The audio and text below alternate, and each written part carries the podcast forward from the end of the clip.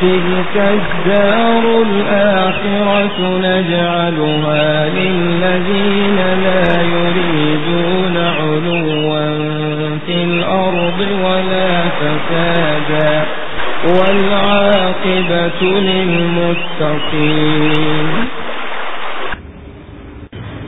بسم الله الرحمن الرحيم. إن الحمد لله تعالى نحمده ونستعينه ونستغفره ونعوذ بالله من شرور أنفسنا وسيئات أعمالنا.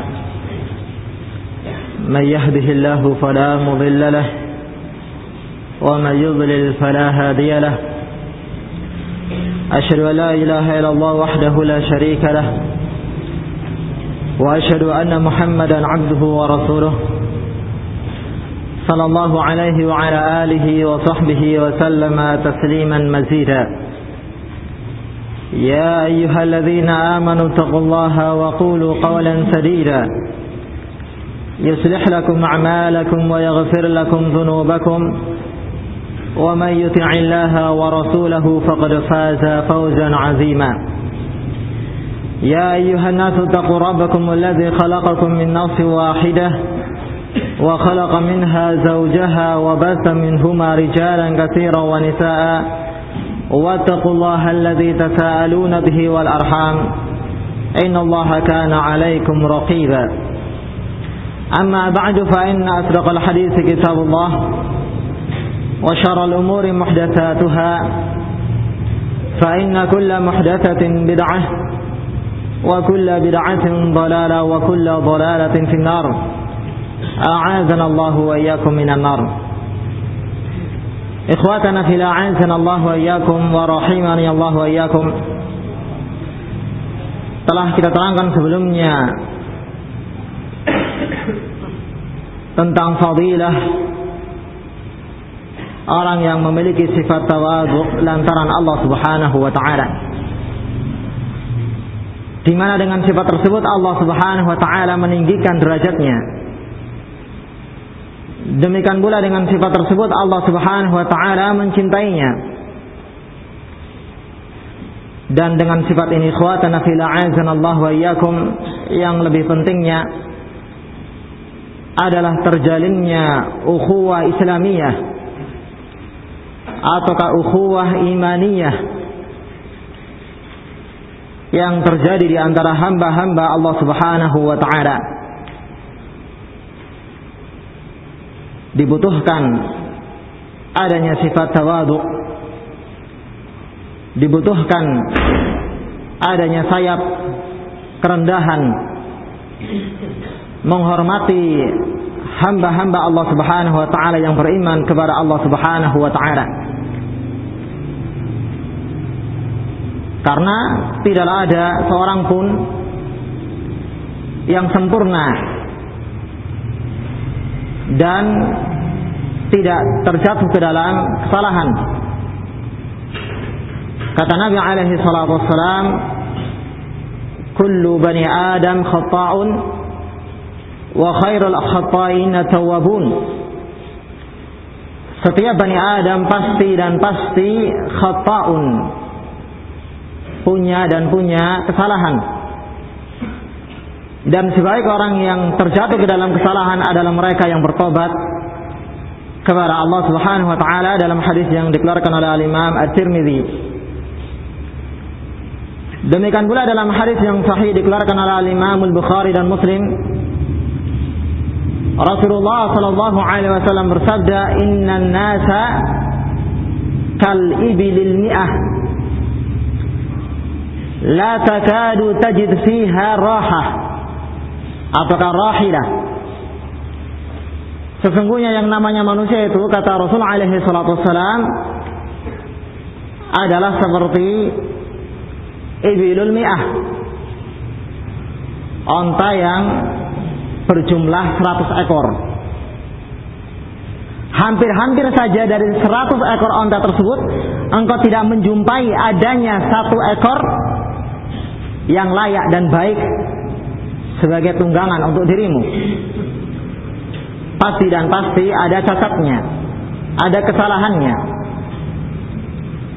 Ini khuatana fil Allah wa iyyakum. Sehingga kalau seandainya orang itu tidak memiliki sifat tawadu, maka tentu akan larilah orang yang berada di sekitarnya. Kata Allah Subhanahu wa taala mensifati nabinya alaihi salatu wassalam, "Walau kunta faddan ghalizal qalbi lam faddu min hawlik." Kalaulah seandainya engkau Muhammad adalah seorang yang kaku, demikian pula keras hatinya, kasar, tidak punya sifat tawadu, maka lan faddu min haulik pasti dan pasti mereka akan lari dari sekitarmu maka hendaklah sifat pemaaf penyayang. Ada pada diri seorang hamba yang menginginkan sifat tawadu karena Allah Subhanahu wa taala. Kita memuji Allah Subhanahu wa taala di mana Allah Subhanahu wa taala telah memberikan hidayah kepada kita. Di atas sunnah Ar-Rasul alaihi salatu wassalam dan masing-masing di antara kita mendapatkan ujian, cobaan dalam menjalankan setiap sunnah dari sunnah Rasulullah alaihi salatu wassalam. Maka janganlah ikhwatana fil a'azanallahu wa iyyakum dengan tidak adanya sifat tawadhu pada diri seorang hamba mengakibatkan dirinya menyalahkan yang lainnya ataukah meninggikan dirinya di hadapan yang lainnya tidak punyanya perasaan ar-rahmah. Tidak punyanya perasaan cinta yang tulus karena Allah Subhanahu wa taala kepada hamba-hamba Allah Subhanahu wa taala al-mu'minin. Rasul alaihi salatu wassalam diingatkan oleh Allah Subhanahu wa taala wakhfid janahaka liman ittaba'aka minal mu'minin maka hendaklah engkau wahai Muhammad rendahkan sayapmu. Memiliki sifat tawadhu karena Allah Subhanahu wa taala. Bagi mereka yang mengikuti Rasul alaihi wassalam dari kalangan orang yang beriman kepada Allah Subhanahu wa taala. Kita rendahkan sayap tawadhu yang dimiliki oleh diri kita demi mendapatkan kemuliaan di sisi Allah Subhanahu wa taala.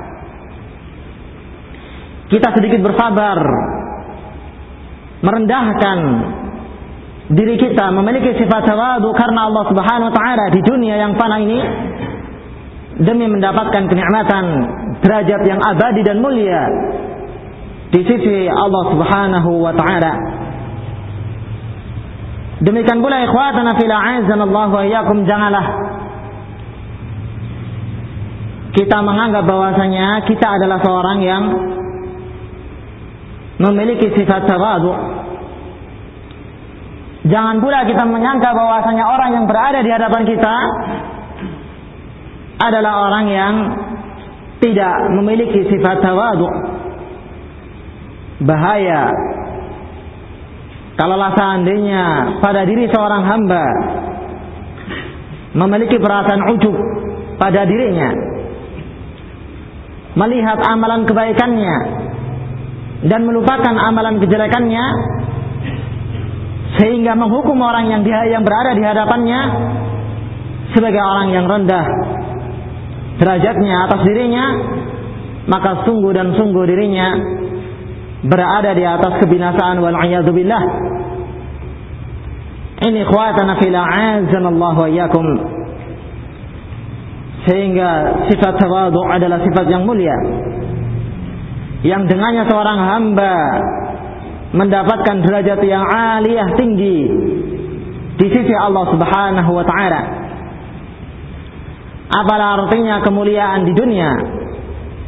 dalam keadaan ternyata hamba ini di hadapan Allah Subhanahu wa taala sebagai seorang yang hina dan tidak ada artinya.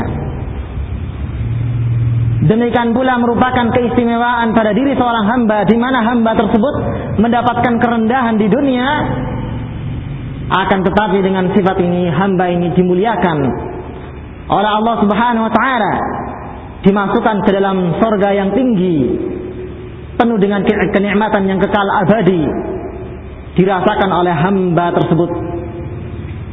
Ini khuatana fil a'azanallahu wa. Maka betapa mahalnya ukhuwah imaniyah.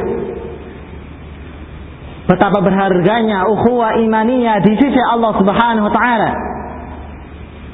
Sehingga tidaklah dua orang yang bersatu karena Allah Subhanahu wa taala cinta mencinta karena Allah Subhanahu wa taala yang menyatukan mereka adalah bukan lain karena kenikmatan dari sisi Allah Subhanahu wa taala karena hidayah yang Allah Subhanahu wa taala tanamkan pada hati mereka. Sehingga dengan hidayah tersebut akhirnya menyebabkan diri mereka saling cinta mencinta karena Allah Subhanahu wa taala.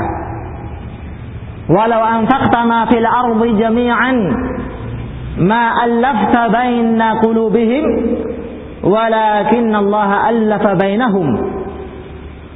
Kalaulah seandainya engkau Muhammad menginfakkan seluruh apa yang ada di dunia ini untuk melunakkan hati-hati mereka yang beriman kepada Allah Subhanahu wa taala sehingga mereka menjadi seorang hamba yang at-tahabulillah saling cinta mencinta karena Allah Subhanahu wa taala hilang dari mereka sifat kesombongan. Hilang dari mereka sifat kesukuan. Yang ada adalah saling cinta mencinta karena Allah Subhanahu wa taala. Mencintai seorang hamba yang beriman kepada Allah Subhanahu wa taala. Tidaklah yang demikian akan bisa menyebabkan dirimu menyatukan hati-hati mereka. Akan tetapi yang menyatukan hati mereka adalah Allah Subhanahu wa taala Rabbul Alamin yang dengan keimanan akhirnya Allah Subhanahu wa taala berikan kecintaan dan memiliki uh, dan memberikan sifat ar-rahmah pada diri seorang hamba yang beriman kepada Allah Subhanahu wa taala. Ini khawatana fil a'azzana Allah wa iyyakum. Dan pada pembahasan yang sebelumnya telah kita terangkan pembahasan yang tak kalah pentingnya yaitu mawani tawadu penghalang daripada penghalang-penghalang seorang hamba memiliki sifat tawadu pada pembahasan yang sebelumnya ikhwatan fil azan Allah wa sifat tawadu adalah sifat merendahkannya diri seorang hamba di hadapan seorang hamba lainnya yang beriman kepada Allah Subhanahu wa taala, menghormatinya, memuliakannya dengan keimanannya, dengan kesabarannya di atas iman. Demikian pula tunduk dan pasrah terhadap apa yang datang dengannya Rasulullah alaihi salatu wassalam. Sehingga sifat tawadu adalah sifat mencintai Rasulullah alaihi salatu wassalam. Dan mengamalkan apa yang datang dengannya Rasulullah alaihi salatu wassalam. Diiringi dengan sifat saling cinta mencinta karena Allah Subhanahu wa taala. Memuliakan yang lainnya. Yang mengamalkan apa yang ditinggalkan oleh Rasulullah alaihi assalatu wassalam dan pada pembahasan yang sebelumnya telah kita sebutkan dua poin yang disebutkan oleh muallif Habibullah taala dari mawani utawadu yang pertama adalah hendaklah seorang hamba ketika datang ataukah ketika mendengarkan satu hadis ataukah petunjuk dari Rasulullah alaihi salatu wasalam maka yang ada dan diharuskan pada dirinya adalah tunduk patuh dan menerimanya tidak membangkangnya tidak menolaknya. Apakah dengan makul akalnya? Apakah dengan kias yang ada pada dirinya untuk kemudian menolak Al-Quran? Ataukah sunnah Rasulullah alaihi salatu wassalam? Ataukah dengan perasaannya? Ataukah dengan siasa politik yang dirinya berada di atas di atasnya? Sehingga orang yang memiliki sifat tawadu adalah dirinya mengedepankan nas Al-Quran. Demikian pula sunnah Rasulullah SAW dan membuang akal pikirannya kalaulah seandainya dengan akal pikiran tersebut menyebabkan seorang hamba menolak nas dari Al-Quran apakah dari sunnah Rasulullah alaihi assalatu wassalam? Demikian pula menolak Al-Qiyas jikalau menggiring dirinya untuk menentang Al-Quran demikian pula sunnah Rasulullah alaihi salatu wassalam demikian pula perasaan dan politiknya Kemudian perkara yang kedua yang kemarin kita sebutkan adalah alla yattahima dalilan min adilatid din bihaitsu yadhunnuhu fasidad dalalah. Janganlah seorang tersebut menyangka bahwasanya satu dalil dari dalil-dalil yang ada di dalam agama ini apakah dari Al-Quran Apakah dari sunnah Rasulullah SAW adalah dalil-dalil yang rusak eh, penunjukannya? Apakah kurang eh, penunjukannya? Dangkal dan yang semisalnya.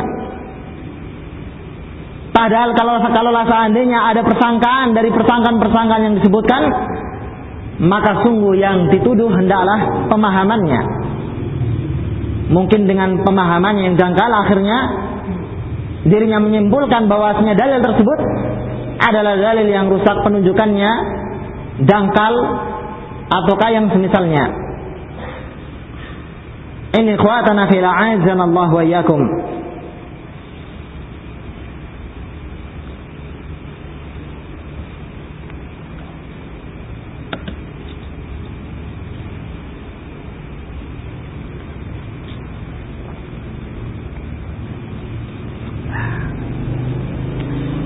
Kita lanjutkan perkataan muallif hafizahullah taala. Wa idza ra'aita min adillati ad-dini ma yushkilu 'alayka wa yanbu fahmuka anhu fa'lam annahu li'azamatihi wa sharafihi ista'sa 'alayka wa anna tahtahu kanzan min kunuzil ilmi wa lam tu'ta mafatihuhu ba'du. Kalaulah engkau melihat ada dalil yang ada di dalam adil dalam keadaan dalil tersebut adalah dalil yang membuat masalah atas dirimu. Mungkin terasa berat untuk kemudian mengamalkannya Apakah mungkin akhirnya membawa dirimu untuk kemudian menolak dalil tersebut? Lantaran apa yang ada di dalam pikiranmu. Demikian pula menyebabkan yambu fahmuka anhu.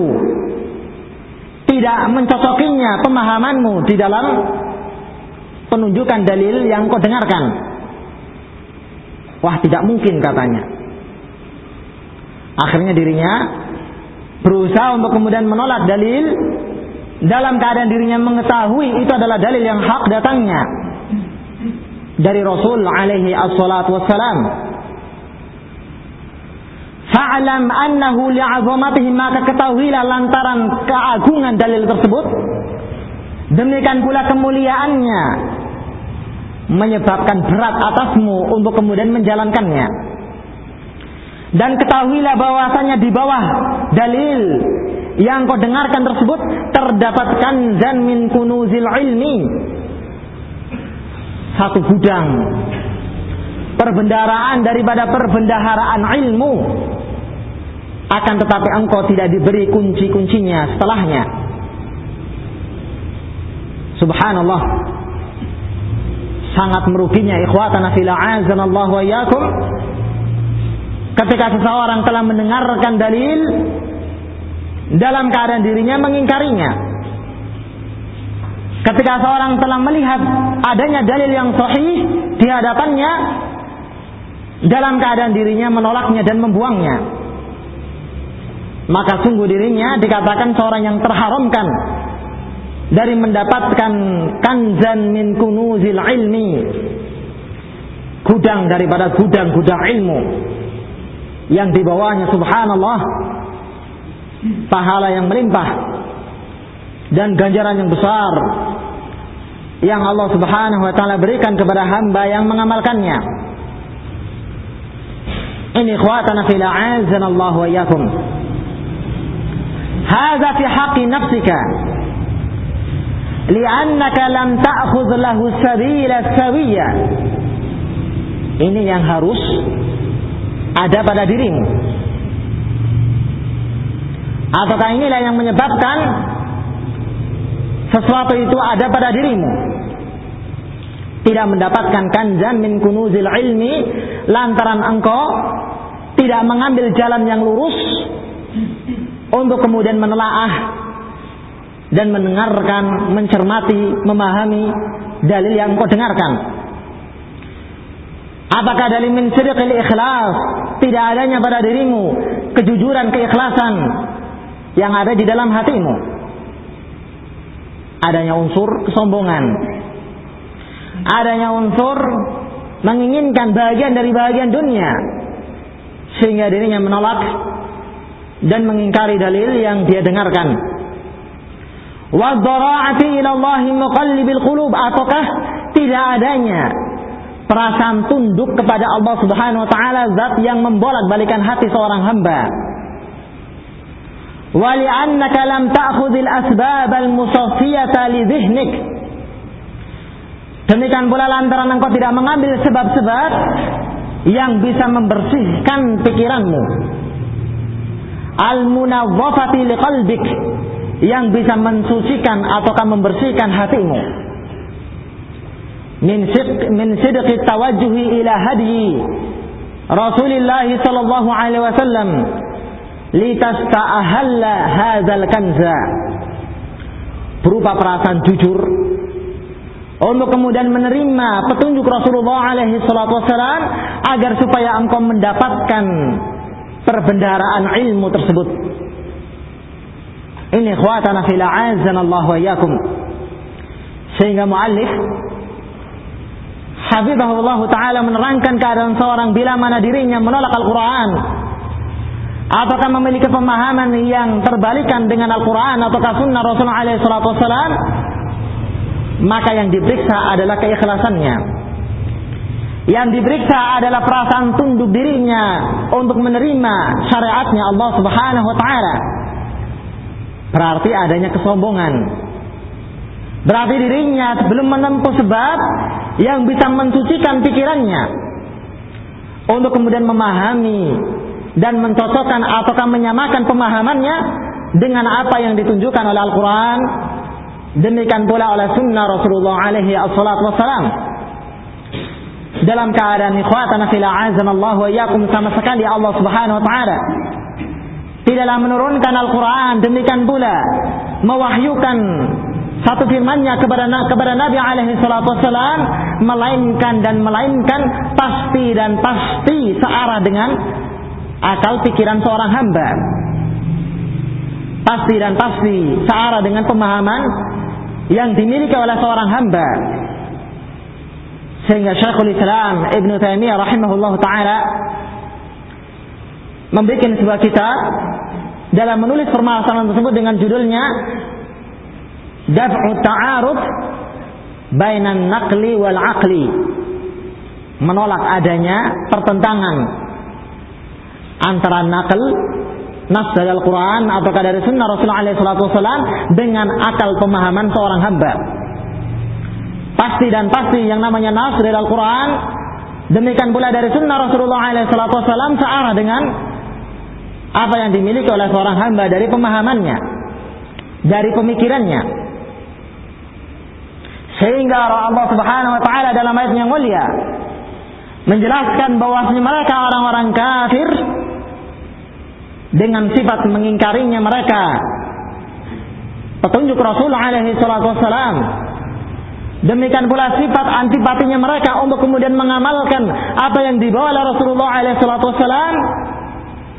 Allah subhanahu wa ta'ala mensifati dengan sifat la yaqilun mereka adalah orang-orang yang tidak memiliki akal pikiran yang sehat menunjukkan rusak akalnya rusak pemahamannya yang dengan kerusakan tersebut akhirnya menyebabkan mereka menolak Al-Quran dan menolak petunjuk Rasulullah alaihi wassalam.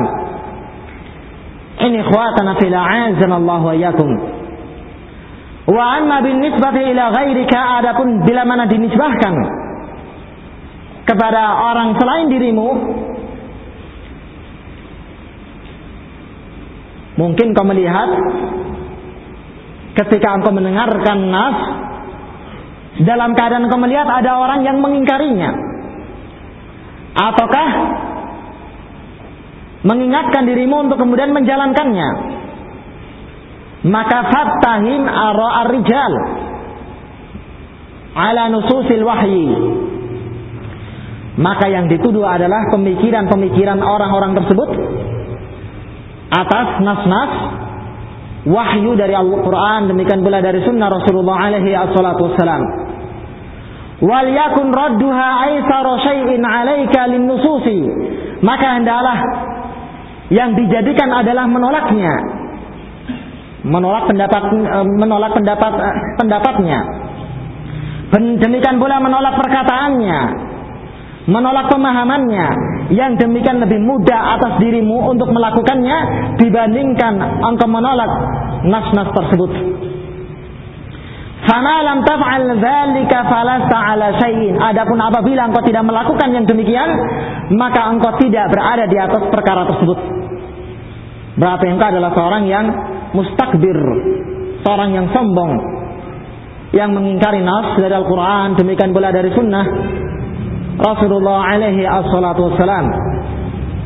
Dalam keadaan Rasulullah alaihi assalatu wassalam dalam hadis yang sebelumnya ketika disebutkan tentang permasalahan al-kibir adalah daf'ul haqqi wa ghamtun nas atau raddul haqqi wa ghamtun nas sifat menolak al-haq diiringi dengan merendahkan, menghinakan manusia yang lainnya. Begitu indahnya ikhwatana fil Allah wa iyyakum perkataan al-Imam Al-Auza'i rahimahullahu taala. Alaika bi athari salafi wa in rafadhaka an-nasu wa iyyaka wa ara ar-rijali wa in zakhrafuhu laka bil qawli maka wajib atas dirimu untuk kemudian berpegang dengan asar dari salafus salih istiqamah di atas sunnah Rasulullah alaihi salatu wassalam. Walaupun manusia meninggalkanmu menghinakanmu. Wajib memegangnya. Wajib mengamalkannya. Karena itulah kebahagiaan yang hakiki. Yang nantinya seorang hamba akan mendapatkannya ketika berjumpa dengan Allah Subhanahu wa taala. Demikian pula hendaklah engkau berhati-hati dari pemikiran-pemikiran orang-orang lainnya. Wa in zakhrafuhu laka bil qawli. Walaupun mereka menghias ucapan-ucapan mereka dengan ucapan yang sangat bagusnya. Dengan tujuan menolak Al-Quran. Memalingkan diri seorang hamba. Dari berjalan di atas sunnah Rasulullah alaihi assalatu wassalam. Ini ikhwatana fil a'azana Allah wa iyyakum. Wa Syafi'i rahimahullah taala dan berkata Imam Syafi'i rahimahullah taala ajma'al muslimuna ala anna man istabanat lahu sunnatu Rasulillah sallallahu alaihi wasallam lam yahilla lahu ay yad'aha liqauli ahadin. Maka telah sepakat kaum muslimin yaitu para ulama bahwasannya apabila ada seorang yang telah nyata jelas pada dirinya. Adanya salah satu sunnah dari Rasulullah Sallallahu Alaihi Wasallam maka tidak halal baginya untuk kemudian meninggalkan sunnah tersebut lantaran ucapan seorang hamba yang lainnya. Dia tinggalkan Al-Quran dia tinggalkan sunnah lantaran ucapan ustadznya. Dia tinggalkan sunnah lantaran ucapan orang yang berada di sampingnya ini ikhwatana fil Allah wa iyyakum.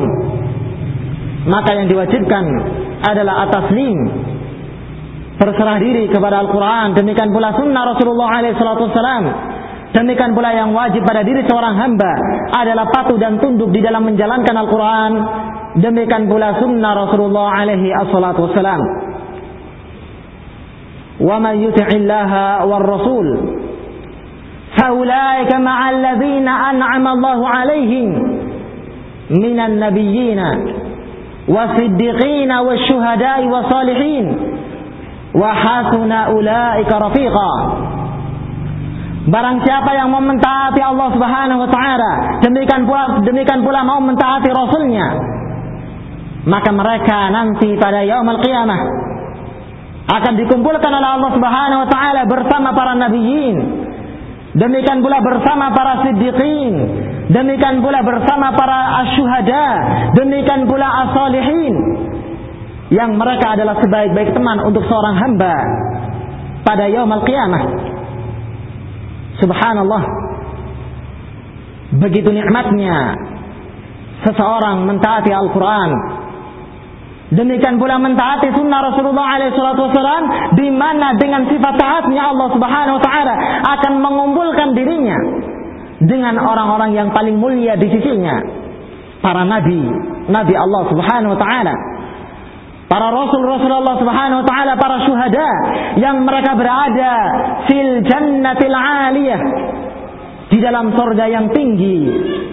Qutufuha daniyah dalam keadaan di mereka bisa memetik buah-buah dalam keadaan didekatkan untuk mereka mudah mengambilnya subhanallah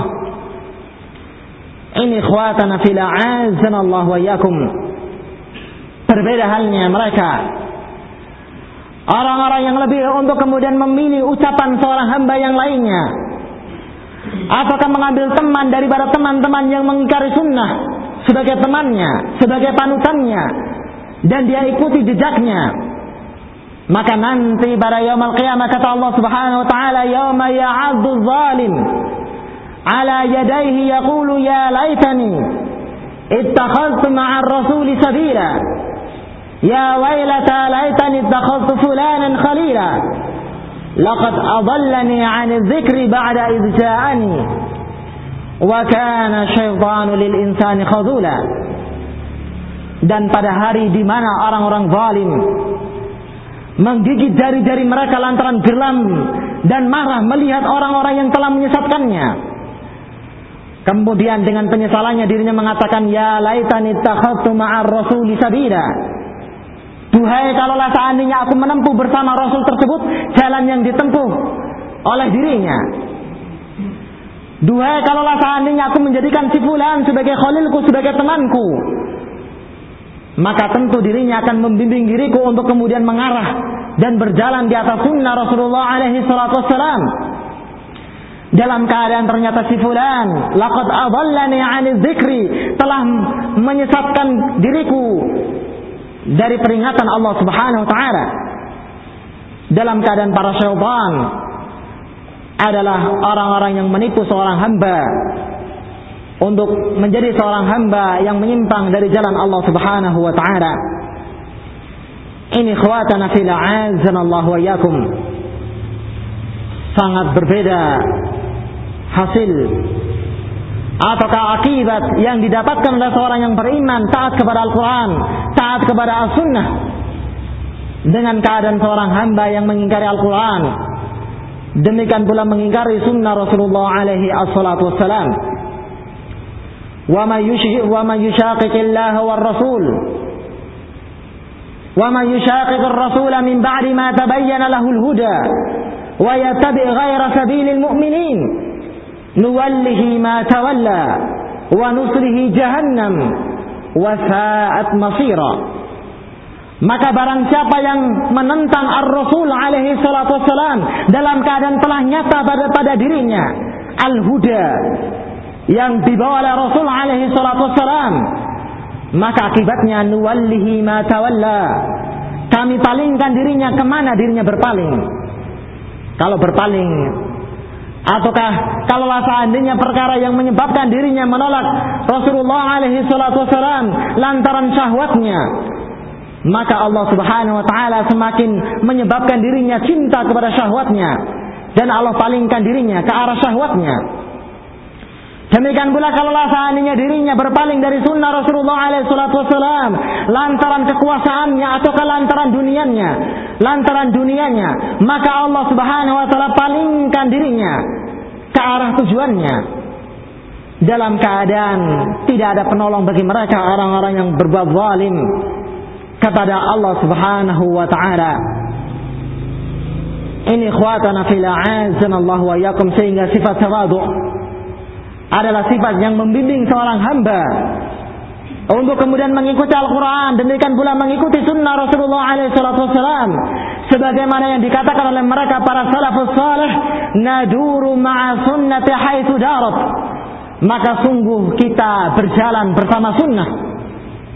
Ke mana sunnah tersebut berjalan? Kalau seandainya sunnah itu mengarahkan diri kita menuju ke arah timur maka kita berjalan ke arahnya kalau seandainya sunnah tersebut mengarahkan diri kita ke arah barat dalam keadaan kita sebelumnya berada di arah timur maka kita berjalan mengikuti sunnah Rasulullah alaihi assalatu wassalam. Yang dikatakan oleh al-Imam Malik rahimahullah taala man raqibaha naja wa man takhallafa anha ghuriqa wa halaka. Sunnah adalah seperti safinah perahunya Nuh alaihi assalatu wassalam barang siapa yang menaikinya maka sungguh dirinya telah selamat dan barang siapa yang dirinya meninggalkannya maka sungguh dirinya akan dibinasakan oleh Allah Subhanahu wa taala ditenggelamkan bersama orang yang zalim Subhanallah. Begitu nikmatnya sifat tawadu. Yang dengan sifat ini akhirnya seorang hamba terbimbing untuk kemudian berjalan di atas Al-Quran. Berjalan di atas sunnah Rasulullah alaihi salatu wassalam. Tidak menghiraukannya. Gangguan orang yang mencelanya. Tidak tidak menyurutkan langkahnya dari gangguan-gangguan mereka orang-orang yang berusaha menghalanginya dan menggoyahkan keimanannya di dalam berpegang dengan sunnah Rasul alaihi assalatu lantaran dirinya mengangankan derajat yang mulia kenikmatan yang mulia yang dijanjikan oleh Allah Subhanahu wa taala bagi mereka. Orang-orang yang mengikuti petunjuknya Rasul alaihi assalatu wassalam. Ini ikhwatana fil a'azanallahu wa iyyakum.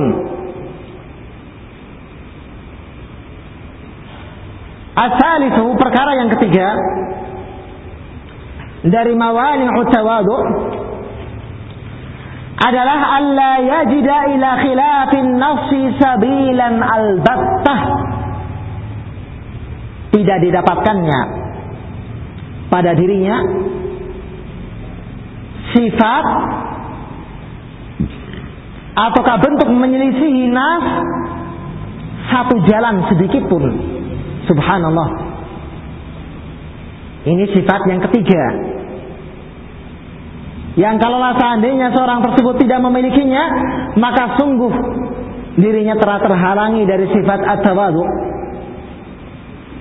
Yaitu mengamalkan naf dan dia amalkan dalam seluruh amalannya, dalam seluruh perbuatannya. Sehingga dirinya berjalan di atas an-naf dan berjalan di atas Al-Quran demikian pula sunnah Rasulullah alaihi wassalam la bibatinihi dirinya tidak menyelisihinya dengan batinnya dengan hatinya mengingkarinya. Wala bilisanihi demikian pula tidak menyelisih nas dengan lisannya. Artinya mengamalkan nas tersebut dan berusaha untuk kemudian menerapkan dalam lisannya. Untuk berkata-kata sejalur dengan apa yang dijalankan oleh Al-Quran demikian pula oleh sunnah Rasulullah alaihi assalatu wassalam. Dan itulah ikhwatana fil a'azan Allah wa iyyakum ma'ana qawlan sadida. Ucapan yang lurus yaitu ucapan yang haqqa yang benar yang adil yang tidak ada kezaliman dan kebatilan di dalamnya. Yang nantinya Allah Subhanahu wa taala akan memberikan kebahagiaan berupa ampunannya setelah sebelumnya Allah Subhanahu wa taala akan memperbaiki keadaannya. Wala bifi'lihi demikian pula dirinya tidak menyelisih nas dengan perbuatannya. Subhanallah. Wala bihalihi demikian pula tidak pula pada keadaannya. Bal idza ahafa bi syai'in min al-khilafi fahuwa ka khilafil muqaddimu 'ala zina wa syurbil khamri wa qatlin nafsi. Kalaulah seandainya hamba ini merasakan dirinya telah menyelisih satu nas, maka dirinya seakan-akan telah melakukan perbuatan penyelisihan seperti keadaan seorang yang melakukan perbuatan zina ataukah meminum minuman khamr ataukah membunuh jiwa tanpa hak Bal hadzal khilafu a'zamu 'inda Allah Ta'ala min dzalik.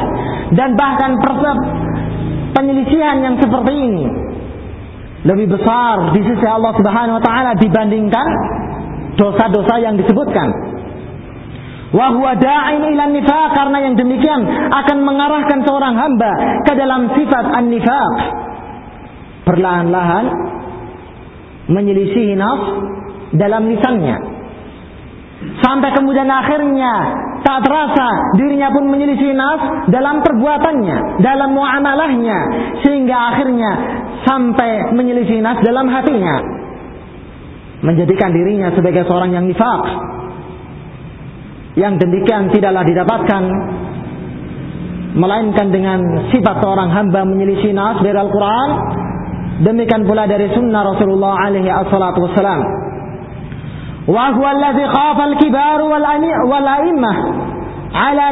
dan sesungguhnya perkara ini adalah perkara yang dikhawatirkan oleh para kibar, para ulama kita, demikian pula para imam-imam kita atas diri-diri mereka mengkhawatirkan kalaulah mereka memiliki sifat an-nifaq.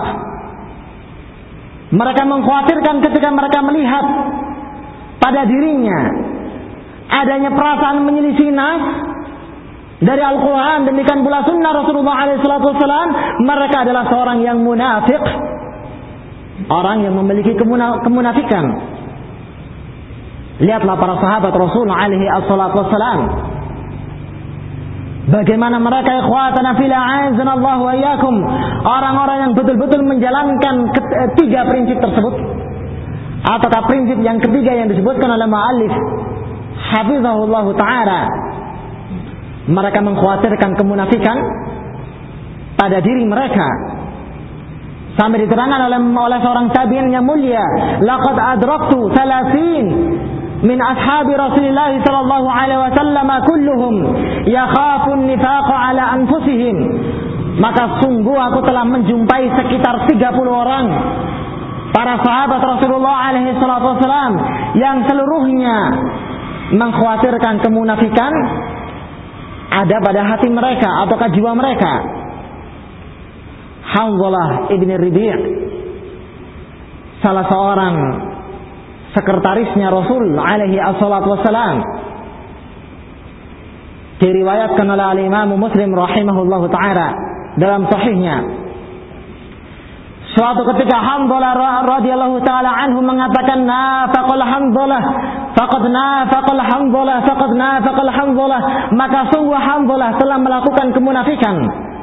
Maka sungguh Hamdalah telah melakukan kemunafikan. Sampai akhirnya Abu Bakar As-Siddiq radhiyallahu taala anhu melihatnya dan mengatakan kepada dirinya subhanallah ma taqul?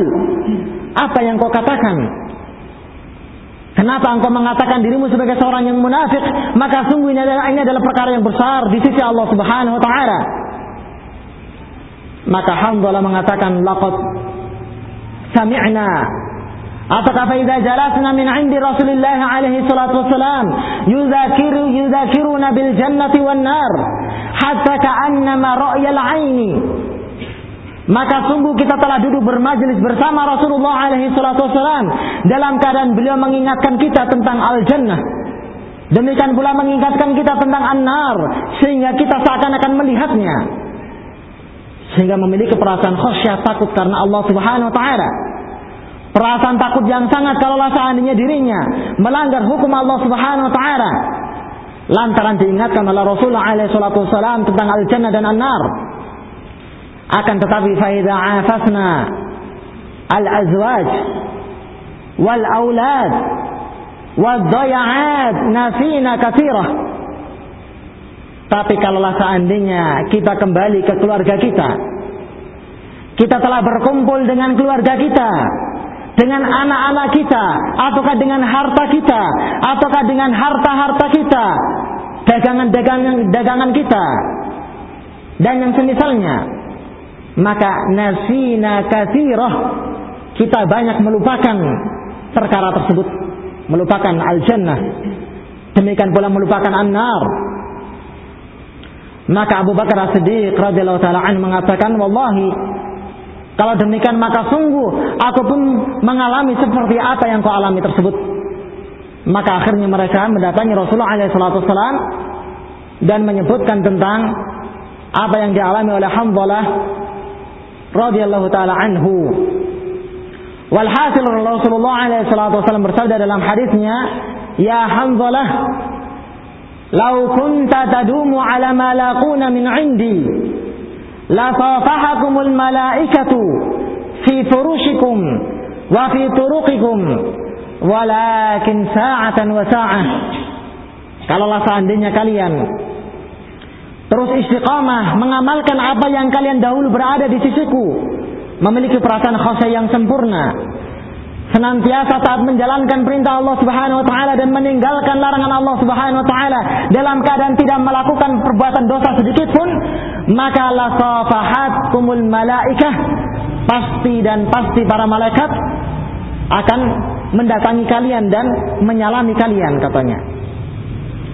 Di jalan-jalan kalian demikian pula di ranjang-ranjang kalian akan tetapi ya alhamdulillah sa'atan wa sa'ah Masing-masing ada waktunya. Ada waktunya terkadang seorang memiliki perasaan syirah, semangat yang tinggi untuk kemudian menjalankan sunnah Rasulullah SAW, semangat yang tinggi, mengingat al-jannah demikian pula mengingat an-nar dan terkadang seorang hamba melupakannya.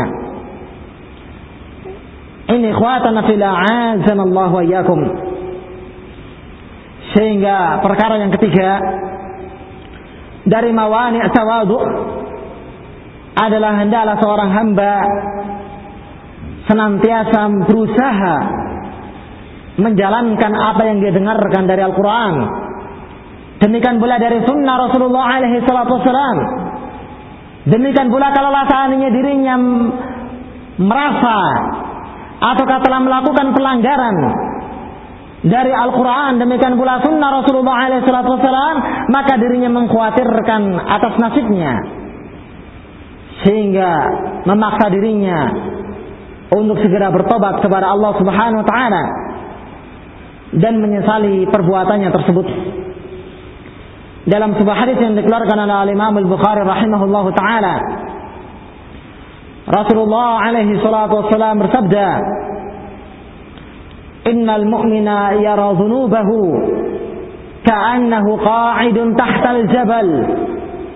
Wa innal fajira yara dhunubahu.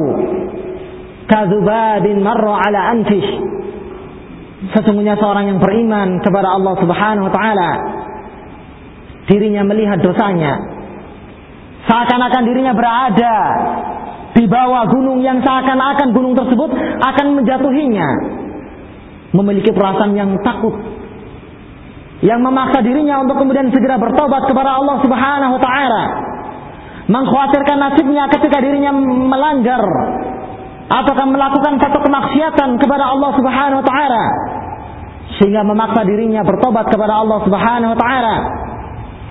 Adapun seorang yang fajir ketika melakukan perbuatan adzunub dirinya melihatnya seakan-akan seperti halnya seorang melihat lalat yang lewat di hadapannya.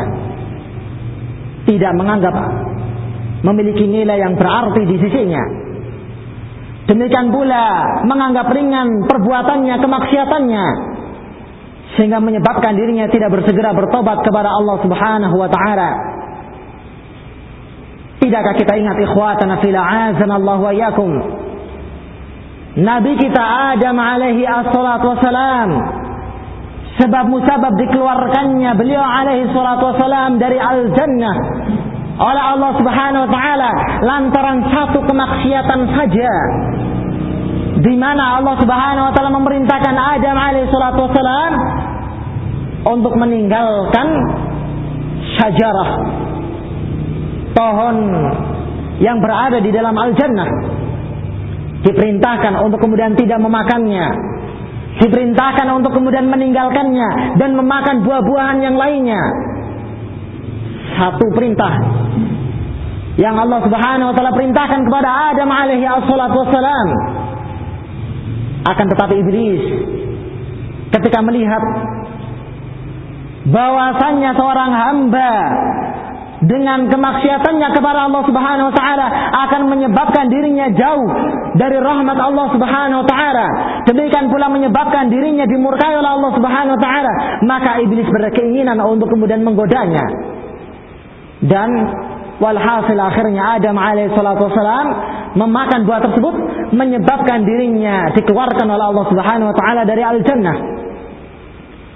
Demikian pula ikhwatana fil Allah wa iyyakum iblis dimurkai oleh Allah Subhanahu wa taala dan dilaknat oleh Allah Subhanahu wa taala dengan sebab satu kemaksiatan saja. Ketika Allah Subhanahu wa taala perintahkan kepada mereka, para malaikat demikian pula iblis yang berada di tengah-tengah mereka untuk sujud kepada Adam alaihi wassalam. Tapi aba wastakbar dirinya enggan dan sombong tidak menjalankan satu perintah dari Allah Subhanahu wa taala menyebabkan dilaknatnya iblis dan dimurkainya iblis oleh Allah Subhanahu wa taala. Demikian pula kaum Lut yang menyebabkan dibinasakannya mereka oleh Allah Subhanahu wa taala. Di mana Allah Subhanahu wa taala mengangkat kampung mereka ke angkasa demikian pula menjatuhinya dengan batu-batuan dari neraka jahanam. Kemudian membaliknya menjadikan bagian atasnya berada di bawahnya, bagian bawahnya berada di atasnya mereka dibinasakan oleh Allah Subhanahu wa taala dengan adab yang sangat dahsyat dengan satu kemaksiatan tidak menjalankan nasihatnya Lut alaihi assalatu wassalam untuk meninggalkan perbuatan lutiyah mendatangi sesama jenis mereka. Demikian pula yang lainnya dan yang lainnya. Maka kita ikhwatana fil a'azanallahu wa sangat mengkhawatirkan pada diri-diri kita. Kalau seandainya kita melihat adanya kekurangan demikian pula adanya ketimpangan di dalam menjalankan sunnah Rasulullah alaihi salatu apakah mungkin kita melihat kita adalah orang-orang yang sering melanggar menolak ataukah tidak mengamalkan sunnah Rasulullah wasalam kita mengkhawatirkan akan adanya fitnah yang melanda diri kita Abu Bakar As-Siddiq radhiyallahu taala anhu dalam hadis yang dikeluarkan oleh Imam Al-Bukhari. Rahimahullahu taala mengatakan dengan perkataan yang mulia lastu tarikan syai'an mimma amilahu Rasulullah sallallahu alaihi wasallam illa amiltu bihi fa inni akhafu in taraktu syai'an min amrihi an azigha. Sesungguhnya aku tidaklah meninggalkan satu perkara sedikit pun dari apa yang diamalkan oleh Rasulullah SAW melainkan dan melainkan aku akan mengamalkannya. Karena aku mengkhawatirkan. Kalaulah seandainya aku mengamal aku meninggalkan sedikit saja dari petunjuknya Rasulullah SAW maka an azigha aku akan dipalingkan oleh Allah Subhanahu wa taala. Subhanallah. Kekhawatiran as pada dirinya mengkhawatirkan dengan kemaksiatan sedikit yang dimiliki ataukah diamalkan oleh beliau radhiyallahu taala anhu menyebabkan disimpangkan hatinya oleh Allah Subhanahu wa taala dibalikan hatinya oleh Allah Subhanahu wa taala dengan kemaksiatannya maka ikhwatana fil Allah wa iyyakum kita berusaha membenahi diri kita kita berusaha senantiasa istiqamah di atas sunnah Rasul alaihi salatu wasalam. Kita berusaha untuk kemudian senantiasa membenahi dan memperbaiki amalan kita. Segera bertobat kepada Allah Subhanahu wa taala adalah akhlak yang mulia. Segera kembali kepada Allah Subhanahu wa taala adalah perkara yang ditekankan. Ketika seorang hamba menyelisihi sunnah Ar-Rasul alaihi assalatu wassalam فليحذر الذين يخالفون عن أمره أن تصيبهم فتنة au yusibahum azabun alim. Maka hendaklah berhati-hati orang-orang yang menyelisih perintahnya. Akan ditimpa kepada mereka fitnah. Dan akan ditimpakan kepada mereka azab yang pedih dari sisi Allah Subhanahu wa taala. Ini khuatana fil Allah wa yakum fitnah. Perkara yang dikhawatirkan oleh mereka yang beriman kepada Allah Subhanahu wa taala perkara fitnah adalah perkara yang diperingatkan oleh Allah Subhanahu wa taala dalam firman-Nya, "Wattaqu fitnatan la tusibanna alladzina zalamu minkum khafah." Hendaklah kalian takut akan datangnya satu fitnah. Yang fitnah ini tidak hanya melanda terkena kepada orang yang zalim di antara kalian secara khusus, bahkan melanda seorang yang taatnya, seorang yang bertakwanya kepada Allah Subhanahu wa taala kalau dirinya tidak kembali kepada Allah Subhanahu wa taala, dirinya tidak segera bertobat kepada Allah Subhanahu wa taala, maka sangat bahaya fitnah itu akan menyeretnya ke fitnah yang lainnya. Bahaya fitnah tersebut akan memasukkan dirinya ke lembah fitnah yang dahsyat lainnya. Sehingga dirinya tanpa menyadarinya berada di atas fitnah yang sangat besar yang nantinya membinasakan dirinya dan memasukkan dirinya ke dalam azab Allah Subhanahu wa taala. Ini khuatana fillah Allah wa yakum.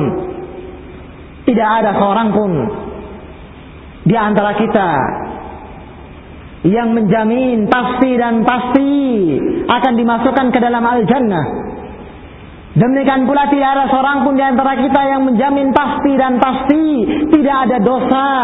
Demikian pula tidak ada kesalahan yang dia lakukan. Kalau ada persangkaan yang demikian, maka sungguh faqad kadzaba, dirinya telah berdusta atas nama Allah Subhanahu wa taala. Dalam hadis qudsi yang mulia, Allah Subhanahu wa taala berfirman, "Ya ibadi, innakum takhta'una bil-laili wan-nahar, wa ana aghfiru dzunuba jami'an fastaghfiruni aghfir lakum." Wahai hamba-hambaku, Kalian adalah orang-orang yang melakukan perbuatan kesalahan di waktu malamnya dan demikian pula di waktu siangnya. Maka istighfarlah, bertobatlah kepada diriku maka niscaya aku akan mengampuninya. Allah Subhanahu wa taala menyebutkan hambanya adalah seorang yang muznibin melakukan perbuatan dosa kemaksiatan kepada Allah Subhanahu wa taala. Demikian pula Rasulullah alaihi salatu wassalam menyebutkan dalam hadis yang kita sebutkan kullu bani adam khata'un wa khairul khata'ina tawabun Demikian pula Rasulullah alaihi salatu wasallam bersabda dalam hadis sahih lainnya, "Lau annakum lam tuznibu, la zahaba Allahu bikum, thumma la khalaqa Allahu khalqan yuznibun, fayastaghfiruna thumma yaghfiru lahum." Kalaulah seandainya kalian adalah orang-orang yang tidak mengamalkan, tidak melakukan perbuatan dosa sedikit pun, maka pasti dan pasti Allah Subhanahu wa taala akan membinasakan kalian. Menghilangkan kalian. Kemudian mengganti kalian dengan satu kelompok dalam keadaan mereka adalah orang-orang yang muznibun, melakukan perbuatan dosa, kemaksiatan kepada Allah Subhanahu wa taala Kemudian mereka bertobat kepada Allah Subhanahu wa taala dan Allah mengampuni dan mengabulkan tobat mereka tersebut. Demikianlah ikhwatana fil Allah wa yakum. Seorang yang mulia adalah orang yang tersibukkan dengan aibnya. Seorang yang mulia, seorang yang memiliki sifat tawadhu adalah seorang yang tersibukkan dengan dosanya sebelum dirinya melihat dosa orang lainnya. Rasulullah alaihi salatu wasallam bersabda, Rahimallahu ra'an syaghalahu aibu an uyubin nas. Semoga Allah Subhanahu wa taala merahmati seorang hamba dalam keadaan aib-aibnya, dosa-dosanya menyibukkan menyibukkan dirinya dibandingkan dirinya tersibukkan dengan aib orang lainnya. Sehingga ikhwatan fil Allah wa yakum dirinya adalah orang yang berusaha senantiasa melakukan pem, pembera, pem, memperbaiki dirinya. Demikian pula berusaha untuk kemudian memperbaiki keadaannya. dengan diiringi dengan bertobat kepada Allah Subhanahu wa taala. Ini ikhwatana fillah wa iyyakum. Berbeda halnya dengan keadaan mereka orang-orang yang menganggap dirinya adalah orang yang bersih dari kemaksiatan kepada Allah Subhanahu wa taala. Sangat riskan terjatuh ke dalam sifat al-kibr. Sangat riskan jatuh ke dalam sifat al-ujub yang dengannya akhirnya menyeret seorang hamba ke dalam murka Allah Subhanahu wa taala. Wallahu musta'an wa ilaihi tuklan. Wa sallallahu ala Muhammad wa ala alihi wa sahbihi wa sallama tasliman mazida.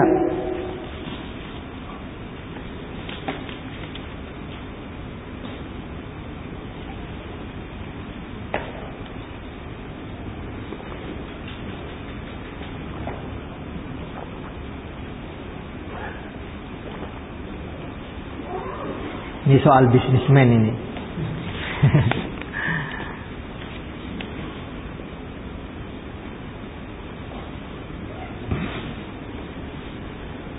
Apakah bila kita sakit merupakan azab dari Allah Subhanahu wa taala disebabkan dari dosa-dosa yang kita lakukan? Jawabannya ikhwatana fil Allah wa iyyakum Rasulullah alaihi wassalatu wassalam bersabda dalam hadisnya yang sahih dikeluarkan oleh al-Imam Muslim Al-Bukhari rahimahullah taala dan Muslim kata Rasulullah sallallahu alaihi wasallam kadzalika ma min muslimin yusibuhu adzan syaukatun fama fawqaha illa kaffarallahu biha sayyiatihi wa huttat anhu dhunubuhu kama tahittu asy-syajaratu waraqaha. Demikian itulah tidaklah Allah subhanahu tidaklah seorang hamba tertimpa yang namanya gangguan duri atau yang di atasnya melainkan dengan sebab gangguan-gangguan tersebut Allah Subhanahu wa taala akan menghapuskan dosa-dosanya, akan menggugurkan kesalahan-kesalahannya. Sebagaimana bo, sebagaimana satu pohon meruntuhkan dan menggugurkan daunnya, dibersihkan sebersih-bersihnya oleh Allah Subhanahu wa taala. Sehingga apabila kita merasakan sakit, penyakit dan yang semisalnya, maka hendaklah kita bergembira karena Allah Subhanahu wa taala dengan apa yang menimpakan kepada diri kita menginginkan kemuliaan yang besar, pahala yang besar berupa taksiru sayyiat, dihapusnya kesalahan seorang hamba oleh Allah Subhanahu wa taala Terlebih lagi apabila dirinya menjalaninya dengan kesabaran, riwa dengan apa yang telah digariskan oleh Allah Subhanahu wa taala. Mendapatkan ganjaran yang besar di sisi Allah Subhanahu wa taala. Dalam Al-Qur'anul Karim Allah Subhanahu wa taala berfirman, "Wa lanabluwannakum min al-khawf wal ju' wa naqsin minal amwali wal am wal anfusi was samarat." وبشر الصابرين الذين إذا أصابتهم مصيبة قالوا إنا لله وإنا إليه راجعون أولئك عليهم صلوات من ربهم ورحمة dan sungguh-sungguh dan sungguh-sungguh kata Allah Subhanahu wa taala kita akan menimpakan kepada kalian sedikit saja dari kekurangan jiwa Demikian pula harta benda dan buah-buahan. Akan tapi berikanlah kabar gembira kepada mereka orang-orang yang bersabar. Yaitu apabila terkena kepada mereka satu musibah. Kemudian mereka pasrah dan ridha kepada Allah subhanahu wa ta'ala menyatakan Inna lillah wa inna ilaihi raji'un. Kita seluruhnya milik Allah subhanahu wa ta'ala. Allah lah yang mengatur kita. Maka kita akan dikembalikan seluruhnya oleh Allah subhanahu wa ta'ala. Mereka itulah orang-orang yang mendapatkan maghfirah ampunan dari Allah Subhanahu wa taala. Demikian pula mendapatkan salawat dari Allah Subhanahu wa taala. Kemuliaan yang besar yang didapatkan oleh seorang hamba yang beriman kepada Allah Subhanahu wa taala. Sehingga ikhwatana fil Allah wa yakum yang demikian bukanlah azab yang Allah Subhanahu wa taala berikan kepada seorang yang beriman kepada Allah Subhanahu wa taala dengan gangguannya, dengan besarnya penyakitnya, dengan banyaknya rintangan dan cobaan kehidupan yang dialami oleh dirinya. Dalam sebuah hadis yang dikeluarkan oleh Imam Al-Bukhari rahimahullahu taala dari Aisyah radhiyallahu taala anha ketika Rasulullah sallallahu alaihi wasallam ditanya tentang penyakit taun maka Rasul maka Rasulullah sallallahu alaihi wasallam bersabda innahu kana azaban yu'azzibu biha man man yasha'u Allah subhanahu wa ta'ala min ibadihi وجعله الله سبحانه وتعالى رحمة للمؤمنين فليس للعبد وقع في الطاعون فيمكث محتسبا إلا كان له كأجر شهيد indallahi subhanahu wa ta'ala. Ketika Rasulullah sallallahu alaihi wasallam ditanya tentang wabah penyakit taun, ketika Rasulullah sallallahu alaihi wasallam ditanya tentang penyakit tersebut, maka beliau sallallahu alaihi wasallam bersabda sesungguhnya taun adalah azab yang dengannya Allah Subhanahu wa taala mengazab hamba-hambanya yang dikehendaki oleh Allah Subhanahu wa taala. Dan Allah Subhanahu wa taala menjadikan penyakit ini adalah sebagai rahmat bagi mereka orang-orang yang beriman kepada Allah Subhanahu wa taala. Maka tidaklah ada seorang hamba pun yang beriman kepada Allah Subhanahu wa taala ketika dirinya terkena penyakit taun, kemudian dirinya bersabar mengharapkan pahala di sisi Allah Subhanahu wa taala, melainkan kana lahu ajri syahid. Dirinya mendapatkan pahala seperti pahalanya orang yang meninggal sebagai syahid di jalan Allah Subhanahu wa taala. Rasul alaihi assalatu wassalam orang yang paling bertakwanya di sisi Allah Subhanahu wa taala. Orang yang paling mulianya di sisi Allah Subhanahu wa taala, bahkan sebagai khalilullah, kekasih dan orang yang paling disukai dan dicintai oleh Allah Subhanahu wa taala. Derajat khullah yang tinggi, mulia adalah derajatnya Rasulullah alaihi assalatu wassalam akan tetapi Allah Subhanahu wa taala memberikan penyakit kepada beliau alaihi wassalatu wassalam sebanyak dua kali lipatnya dibandingkan Allah Subhanahu wa taala menimpakan penyakit tersebut kepada hamba selain nabinya sallallahu alaihi wasallam. Dalam hadis yang dikeluarkan oleh Imam Al-Bukhari dan Muslim Rasulullah alaihi salatu wasallam bersabda, "Wa inni u'aku kama yu'aku ar-rajulani minkum." Sesungguhnya aku mengalami penyakit panas tersebut sebagaimana panasnya dua orang yang berada di tengah-tengah kalian. Dilipat gandakan penyakitnya oleh Allah Subhanahu wa taala. Maka Ibnu Mas'ud radhiyallahu taala an mengatakan zalika bi anna laka ajran apakah yang demikian menyebabkan karena engkau mendapatkan dua pahala ya Rasulullah alaihi wassalam maka Rasulullah Shallallahu Alaihi Wasallam bersabda, "Ajallu dzalik." Benar yang demikian. Demikianlah ikhwatana fil Allah wa yakum. Maka janganlah kita mencela yang namanya penyakit. Janganlah kita mencela yang namanya al-huma, demam. Mungkin karena sakitnya dan sangatnya panasnya menggigilnya badan kita maka janganlah sekali-kali kita mengingkari atau mencela apa yang telah ditakdirkan oleh Allah Subhanahu wa taala. Dalam hadis yang diterima sanatnya dan disahihkan atau dihasankan oleh Syekh Al Albani rahimahullah taala Rasulullah Shallallahu Alaihi Wasallam menyebutkan sesungguhnya di antara penyakit yang paling aku cintai adalah penyakit al-huma, li'annahu yadkhulu ala kulli mafsal wa ala kulli mafsal lahu ajrun 'inda Allah Subhanahu wa taala atau kama qala. Karena sesungguhnya penyakit ini masuk pada setiap urat nadi yang dimiliki oleh seorang hamba dalam keadaan masing-masing urat nadinya dihitung memiliki pahala di sisi Allah Subhanahu wa taala. Subhanallah. Sangat besar pahalanya. yang dengannya Allah Subhanahu wa taala meruntuhkan kesalahannya dan memberikan pahala yang besar berlipat ganda di sisi Allah Subhanahu wa taala sebagai rahmat bagi mereka yang beriman kepada Allah Subhanahu wa taala. Wallahu a'lamu bishawab. Mungkin ini yang bisa saya sampaikan. Wa sallallahu ala Muhammad wa ala alihi wa sahbihi wa sallama tasliman mazida.